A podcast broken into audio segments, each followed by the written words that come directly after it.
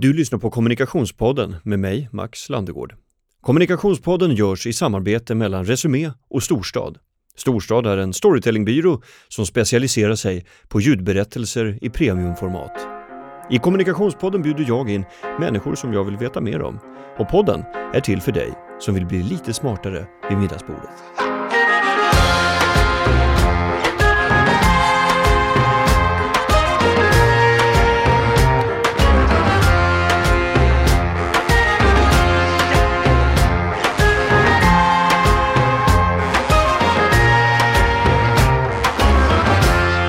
Ami Hemviken, välkommen till Kommunikationspodden. Tack så mycket Max. Du har nyligen släppt en bok om arbetsglädje på arbetsplatser. Därför tänkte jag att vi skulle prata om just det. Eh, Härligt. Men först så skulle jag vilja fråga om dina utmärkelser till Årets talare. Du har ju kommit Ja. hem det vid ett par tillfällen.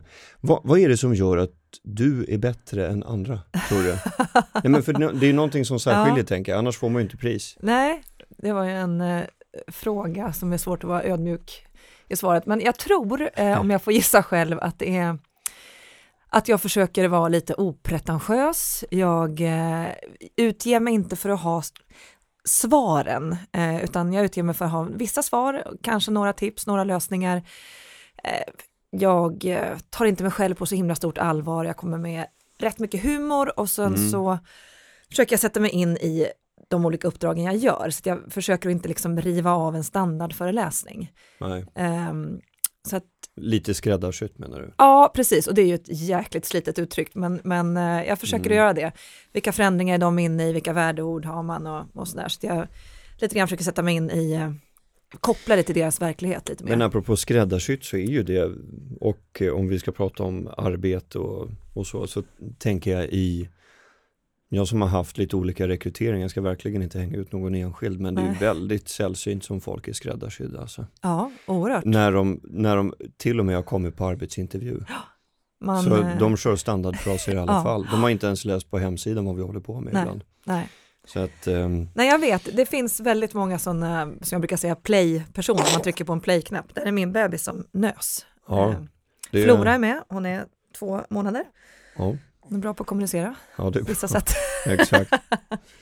eh, ja, nej, men precis. Du, folk har sina jinglar liksom. Ja men precis det, och så har de såna här one-liners eh, och visst jag kan väl köra några sådana också men då försöker jag ofta skämta om att jag kör dem Mm, så att det blir eh, ja, men lite mer personligt och eh, levande. ja. Och det här med att, som jag ofta kommer tillbaka till även i mina föreläsningar, att jag vill ju vara jätteseriös i mitt jobb, men man behöver inte vara allvarlig för att vara seriös. Alltså man kan vara rätt oseriöst att gå omkring och vara allvarlig om man tänker att då använder man faktiskt en mindre del av hjärnan, man är, blir mer tillblockad utan försöker liksom öppna upp, bjussa lite på sig själv och då vet man, då blir man ju mer kreativ och kan liksom hantera lite mer av eh, spontaniteten. Liksom. ja, visst. Omvärldens eh, nycker. ja men liksom. exakt. Om för man det- är lite rolig. Ja men precis, och det är väl också en grej att eh, försöka släppa fokus på sig själv och försöka prata med folk och inte till folk. Ja. För det är också en sån där grej att man får för sig att man, det handlar om en själv, det handlar ju minst om en själv egentligen. Vet du vad, jag läste ett eh, reportage om clownen Manne i Filter och han sa att skillnaden mellan finkultur och den övriga kulturen det är att inom hans disciplin att hålla på med clownkonster och även dansband och revyer och sådana saker. Ja. Då är man medveten om publiken. Men Ja. inom finkulturen på Dramaten då skiter man i publiken. Ja, ja, då är man vänd intressant. från dem. Vad, vad, vad tänker du om det? Ja, men jag tror att det är precis det det handlar om, att prata med och inte till människor. Eh, och det försöker man väl göra vare sig en bok eller en föreläsning eller ett möte. Att man inte, alltså foka mindre på vadet och jaget och mer på huret och de man pratar med. Mm. Eh, Och det är också en skitbra grej om man är nervös. Eh, brukar, när jag coachar personer i att, att våga tala och hålla presentationer och så, så brukar jag ofta försöka få in det mindsetet att tänk att du pratar med människor, för det vågar de flesta. Men det är när vi har att prata till någon, att hålla en presentation, Ja. att stå, det blir lite onaturligt i sig på något sätt. Mm. Så tänk mer som ett samtal, även om det är du som snackar mest. Just det. Finns det något skämt som alltid går hem oavsett publik? Ja, om man skämtar om sig själv har jag märkt, sin kropp, sina tillkortakommanden. Jag brukar ofta, jag har ju tacksamt så tillvida att jag är fyrbarnsmamma, så jag kan alltid, antingen amma jag eller så är jag gravid eller så är jag bara allmänt stressad och det funkar alltid att skämta om. Mm. Jag, brukar jag har tre om, barn så jag ja, kan känna igen hur det kan vara. Och, och, det är väl någonstans att humor ska bygga på dels igenkänning och sen någon typ av överraskningsmoment. Mm. Så får man till de två grejerna och gärna att det handlar om en själv så tycker jag att det brukar funka vilka man än mm. Möter. Du har ju arbetat som, som högstadielärare tidigare. Ja visst. Tror du lärare har kul idag på jobbet? Oh, jag har just suttit i en paneldiskussion gällande det. Jag tror att många lärare har jättekul på jobbet och sen tror jag att tyvärr tappar vi många jättebra lärare också därför att man har på senaste tiden och under en ganska lång period överöst lärarna med jättemycket administration, jättemycket annat jobb och ansvar än just det de är där för, pedagogiken. Um, och då kan väl jag känna att då använder man inte dem på rätt sätt och sen så har ju inte lönerna faktiskt heller eh, ökat i takt med deras eh, ökade ansvar. Så att jag tror att det finns många som har jättekul och det är ett fantastiskt jobb så tillvida att man får ju verkligen direkt feedback. Eh, vuxna mm. kan ju låtsas fatta och vara liksom låtsas trevliga ibland, men barn och ungdomar gör inte det. De säger att du är skittråkig om man ja. är det. Så att, på så sätt, så, om man tittar på vad som driver arbetsglädje så kan man ju ticka av ganska många grejer. Det här med meningsfullhet, eh, positiv feedback, feedback i stort, eh, tydliga mål. Alltså många av de saker som forskningen säger har ju ändå läraryrket ganska mycket av. Sen så är det mycket annat så tillvida arbetsmiljö som inte är så tillfredsställande, det är, ja, men det är eftersatt på sådana områden. Och det tror jag i sig kan göra att man inte upplever att samhället tycker att det är lika meningsfullt som det faktiskt är. Nej, exakt. Ja, men för det, det är så många lärare som saknas i skolan idag. Exakt. Hur tror du insikterna om, inom din disciplin om arbetsglädje specifikt kan få fler att stanna kvar? För du har ju också en väldigt hög omsättning bland de som redan är lärare. Precis, precis. Jag tror att man ska höja höja statusen, det säger ju alla och det, det, tror jag verkligen också, men jag tror man kan göra det genom att oftare och mer höja samtalet till meningsfullheten. Alltså, om man tänker bara rent utifrån, finns det något som är viktigare än att utveckla våra barn och ungdomar, det vill säga vår framtid?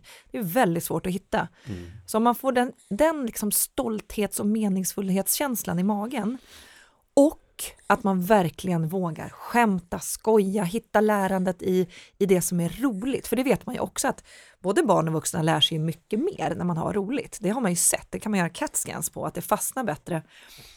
Och dessutom när man har kul, när man garvar lite så vet man att eh, man kan inte skratta, alltså ett riktigt skratt och upplevelse av stress kan inte existera i samma kropp så här, neurotiska skratt kan ju, så här, äh, då kan man ju ja. vara stressad. Men, har man ju hört det på ja, det har man hört några gånger. Men mm. riktiga garv liksom från magen mm. och stress kan alltså inte existera i samma kropp. Och då tänker jag så här, åh, uppvärdera skrattets betydelse, Eh, och också så här, ge ännu mer feedback kanske från rektorn till lärare som, som är med och bidrar till god stämning till mm. exempel.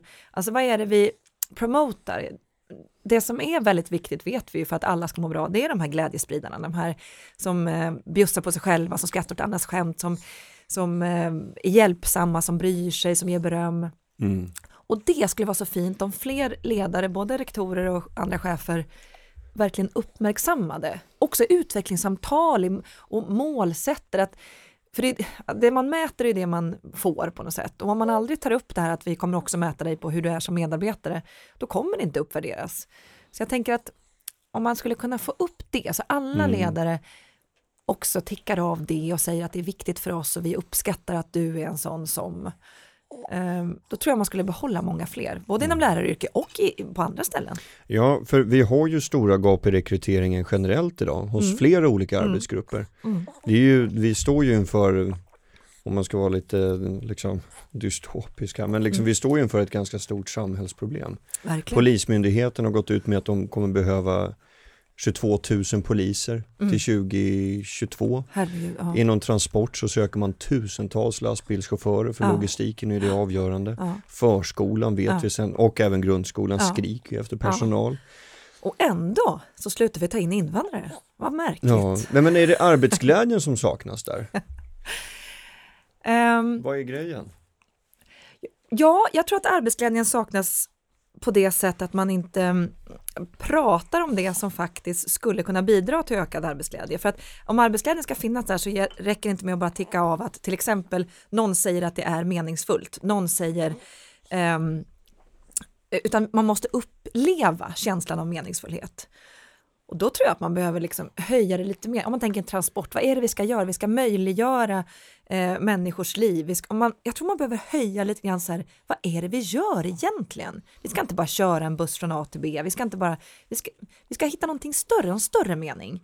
Om vi kan hitta den och faktiskt också finna, finna glädje, för det har man ju sett, nu avbryter jag mig själv, men det här med Nej, det de små, eh, de små korta relationerna är också viktiga. Och det där har man det är lite halvnytt för att förr trodde man att det var, de djupa nära relationerna som, som gör att du lever längre och att du mår bättre och så där. och det är ju jätteviktigt. Men nu har man sett att det är också antalet möten, det vill säga sociala möten per dag, mm. som spelar roll. Antalet positiva sociala möten. Eh, så man ser att de som har flera sociala positiva möten per dag, det vill säga man snackar med busschauffören, man pratar med, man säger hej till kassörskan och så vidare och så vidare de lever längre. Och den korrelationen är mycket starkare än både träning, eh, alkohol, rökning och allting. Mm. Så då tänker jag sådana jobb, om man tänker polisjobb eller eh, transport, om man skulle kunna få in vetskapen om att åh, alla de här små korta mötena är också av godo för mig. Jag mår bättre av dem. Så att det inte bara, det var mycket fokus på att det är väldigt dränerande med människorelaterade jobb. Eh, att de, åh, jag ser så mycket människor, jag umgås med så mycket människor, jag blir så slut av det. Det kanske är en sanning också, men att försöka få upp också ögonen för att varje sånt litet möte kan också vara positivt och det kan också faktiskt bidra till att du mår bättre och lever längre. Så jag tror att bara man får reda på lite mer saker, vad som faktiskt driver arbetsglädje och att det inte är lönenivåer till exempel. Mm. Um, man kan väl säga att det är kopplat till lönenivåer så tillvida det här som vi sa med lärarna, att om man känner är kraftigt underbetald, då känner man ju inte att samhället uppfattar ens jobb som meningsfullt. Så på så sätt är det ju viktigt. Men... Ja, alltså bara ett litet uh, mm. inflik där om, ja. angående polislöner så ja. läste jag någon uppgift att efter sex år i yrket, efter att du alltså avslutat din utbildning och jobbat som polis ja. i sex år så har, ligger du på en nivå på 28 000. Och eh, om, du ska, om du har en ambition av att eh, bo och verka i någon av de större städerna ja. så, så, är du ju dömd till ett liv på, ja. med mycket lägre standard. Verkligen. Och det, det har ju inte bara med lönen att göra utan det har ju också att göra med vad, vad politikerna har gjort med, med boendepolitiken. Men det är en helt annan fråga. Eh, men du, är det, inte, är det inte för att alla vill ha jobb som ditt och mitt idag? Är det inte därför samhällsfunktionerna haltar? Ja. Eller? Åh, Precis, vad gör man egentligen åt Nej, men jag samhället? Tänker kult, ja. alltså jag tycker det här, det är ju jätteintressant och, och mm, eh, lyssningsvärd input som du ger.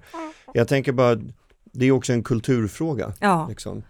Ja men det är en kulturfråga och det är en statusfråga och eh, att synas och, och, märkas har blivit hög status på något sätt. Um, ja, det, det, är säkert så. Det finns säkert en sanning i det också om man tittar. Men samtidigt, om man Titta på den yngre generationen nu, vad de söker. Eh, för det är ju som du säger, liksom, det är många som fightas om de yngre akademikerna här, vilka ska få dem, vilka ska få de bästa. Så tittar man på vad är det de söker. De har sett att just meningsfullhet är faktiskt starkare drivkraft för dem än det har varit för de andra generationerna. Och då kan man väl tänka att meningsfullhet, ja du och jag vill tycka att vi är lite meningsfulla, men, men frågan är vad som är mest meningsfullt. Är det inte då lärare och polis, om man ska vara liksom helt sann mot sig själv och samhället, om man kan mm. lyfta det Eh, för när man har sett de söker, det är meningsfullhet och eh, balance of life. Ja. Det vill säga, och, och, då skulle man väl kunna hävda att, att läraryrket och kanske polisyrket är ett ganska bra val. Mm. Så tillvida att du kanske inte behöver jobba över jättemycket, du kanske har hyfsat eh, regelbundna tider. Och sen som sagt, lönemässigt ligger det efter båda yrkeskategorierna, men eh, men meningsfullheten och balance of life, den måste ju finnas där. Och då tror jag att det är vi som inte pratar om rätt saker. För som sagt, det är ingen annan som kan säga blir det här för det är meningsfullt, utan det måste ju upplevas meningsfullt och då måste samtalet både på samhällsnivå och på individnivå föras kring det och kring den meningsfullheten och stoltheten. Mm. Ja, jag, jag skulle gärna ta del av ett sånt eh, samtal om vad det är som skapar mening Ja, i liksom ett, ett vidare ja, perspektiv och framförallt vad som sker när man märker att de här samhällsbärande funktionerna inte längre finns. ja. Precis. Bristen på mening Ja men exakt, och, och det är väl så för alla andra också. Precis, det, det är därför det blir en hygienfaktor, att det Mm. märks när det inte finns, men kanske Mm. inte märks lika mycket eh, när det finns. Det är ju därför elleverantörer alltid haft svårt att göra reklam Ja, och att konkurrera. För det är så här bara, har du, har du tänkt på, om vi inte hade haft el. ja, men så här, har du tänkt på luft? Ja. Har du tänkt Nej. och så vidare. Nej. Liksom det är ju, ja, men det är precis samma sak, hygienfaktorer som man ja bara tar. verkligen. Det är som eh, att städa hemma, det märks inte när det görs, det märks bara när det inte görs. Mm, exakt, jo, Mm. det, där, där är man ju. Där är man ju bitter. Ja, alltså herregud. Jävlar. Jag, jag är, så- det är så lågprioriterat hos mig också. Ja. Ehm, och eh, ja, jag, ska Ja. Inte, jag ska inte gå in på det. Nej. Ehm, du, ja, men äh, åter till det här med mening. Mm, Jag jobbade med pressfrågor inom offentlig sektor tidigare. Ja. Då åkte vi ut till, eh, jag ska inte säga vilken arbetsplats det var, mm, men vi åkte ut till Djurönäset på konferens. ja, Vi hade en då mycket engagerad chef, mm, fylld av entusiasm, ja, som ville få vår input till hur vi kunde få det, jag vet inte om han använde ordet roligare, men han, han Mm. menade ju att vi skulle liksom ha någon slags eh, mer engagemang sa han säkert. Ja, precis, det var Mm. säkert så. Mm. Då sträckte en medarbetare upp handen och sa, jag förstår inte varför vi ska ha det roligt på jobbet. Vi är ju bara här för att jobba. Mm. Vad gör man med en sån kultur? Ah, men superbra fråga. Där brukar jag först börja med att tänka att det är skillnad på medarbetarnöjdhet och medarbetarengagemang. Um, vad man ofta har mätt tidigare är just medarbetarnöjdhet, vilket är en ganska passiv, passivt förhållningssätt. Det är just det här att känner du dig nöjd? Nej, jag vet inte. Jag tror jag vill ha mer bananer i fruktkorgen. Och det blir sådana typer av svar då. Uh, och så är det ofta sådana här frågor som, får du tillräckligt mycket feedback av din chef? Och det inte, finns ju inte en kotte som säger så här, ah, nu räcker det, jag orkar inte höra mer. Utan alla tycker sig få för lite feedback och uh, så klagar man lite på det. Eh, och jag menar att man skulle kunna försöka vända, vilket man gör nu, att man vänder det lite mer mot just engagemanget, det vill säga lite mer aktiv hållning så att man kan fråga till exempel, ger du tillräckligt mycket feedback till dina kollegor varje dag? För det vet vi att det räcker inte med om cheferna gör det, vi måste göra det allihopa. Eh, det vill säga lite grann, vad bidrar du med? Och sen också det här med, en sån här klassisk fråga, får du tillräckligt mycket information om organisationen i sin helhet för att du ska kunna bla bla bla? Och där kan man väl också fråga så här, tar du reda på den information du behöver? Så att det är det första, att, liksom, att gå från det här passiva, bara är du nöjd? Eh, och det är väl lite så här, det är ju bara ett jobb, jag känner mig nöjd, det är okej, till det här engagerade att ja, men nu ska jag göra det bästa möjliga och jag ska utveckla både mig själv, mina kollegor och min organisation. Och varför, hur ska man nå då en sån kultur där det finns eh, sådana personer som uppenbarligen också tar plats? Man brukar säga att det finns ungefär, Hur, hur då tar plats menar du? jo jag menar tar plats alltså i det här i fallet, sitt missnöje så här? Precis. Ja. i det här Så de fallet, skapar en dålig kultur? exakt. Ja, okej. För det är ofta så att man brukar säga att. Eh, ungefär 11 procent av eh, eh, svenskarna som har jobb brukar man räkna är, eller har Gallup Är sagt. nedstämda och sprider dålig stämning Nej. Inte, inte bara nedstämda utan aktivt motarbetande faktiskt. på arbetsplatsen? Ja, alltså. på arbetsplatsen. Herregud. Ja, så man brukar, eller Gallup kom fram till 2013 att 16 procent är engagerade, 73 procent allmänt oengagerade men hyfsat nöjda. Men 11 procent är alltså aktivt motarbetande. Men, men eh, förlåt, Mm, men liksom shoot. bryter det här av från andra länder? Jag har inte Nej. krävt att du ska ta, ta, ta Nej. reda på den här Nej statistiken men det gör inför, inte. men Nej, men gör det, det, nej, det gör det inte. Det ligger ungefär som internationellt.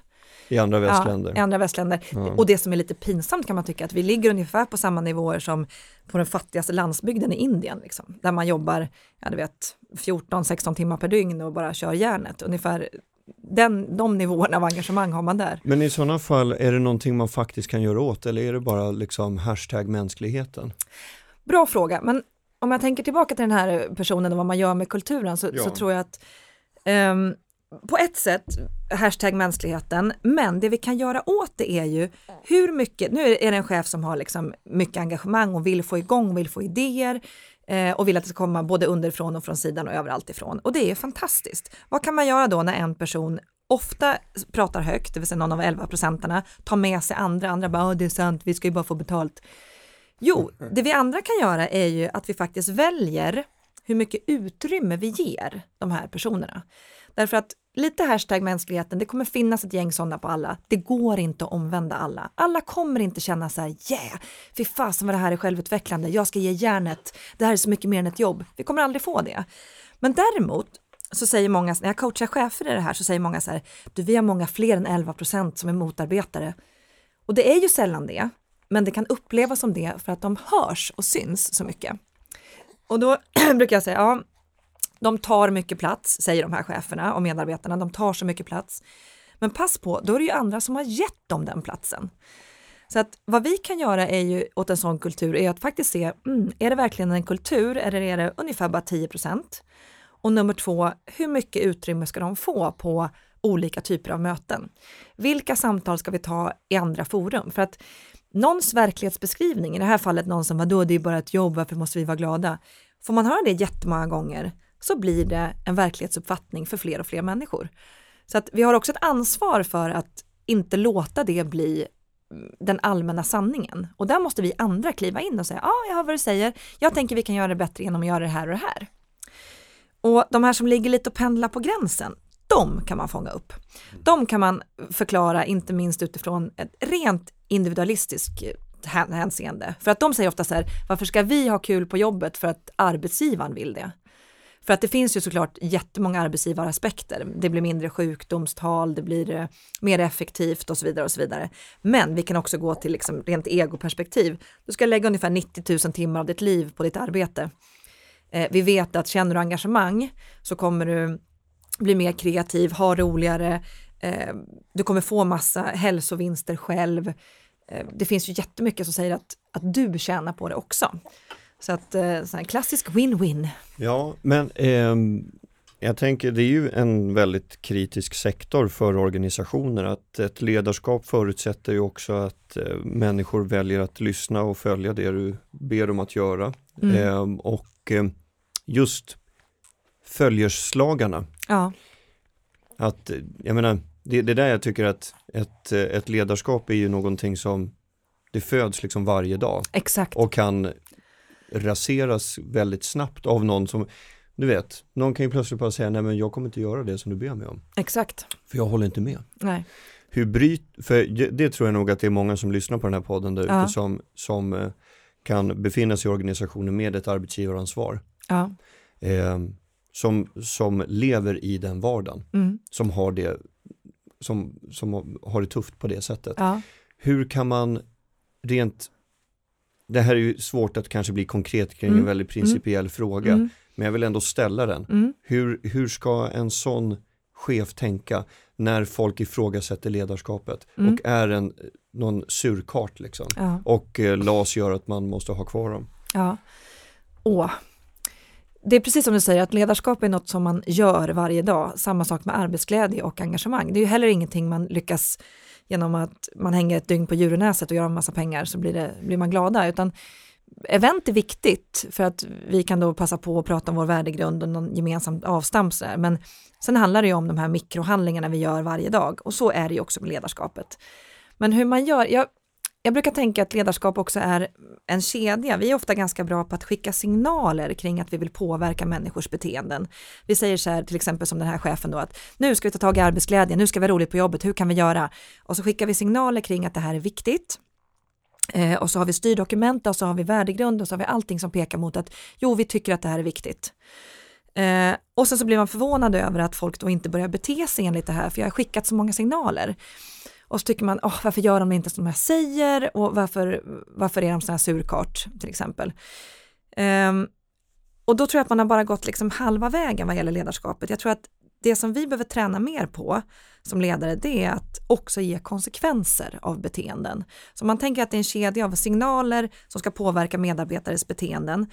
Eh, och sen när de gör som de ska, det vill säga de, de handlar i enlighet med det här med engagerade medarbetare, de ger varandra mer beröm, de pratar om meningsfullhet, de, de hjälper varandra, de eh, tycker sig få tydliga mål, för det har man sett nu att eh, just det här med tydliga mål och positiv feedback, det är nästan de starkaste parametrarna enligt en ny studie från Karolinska.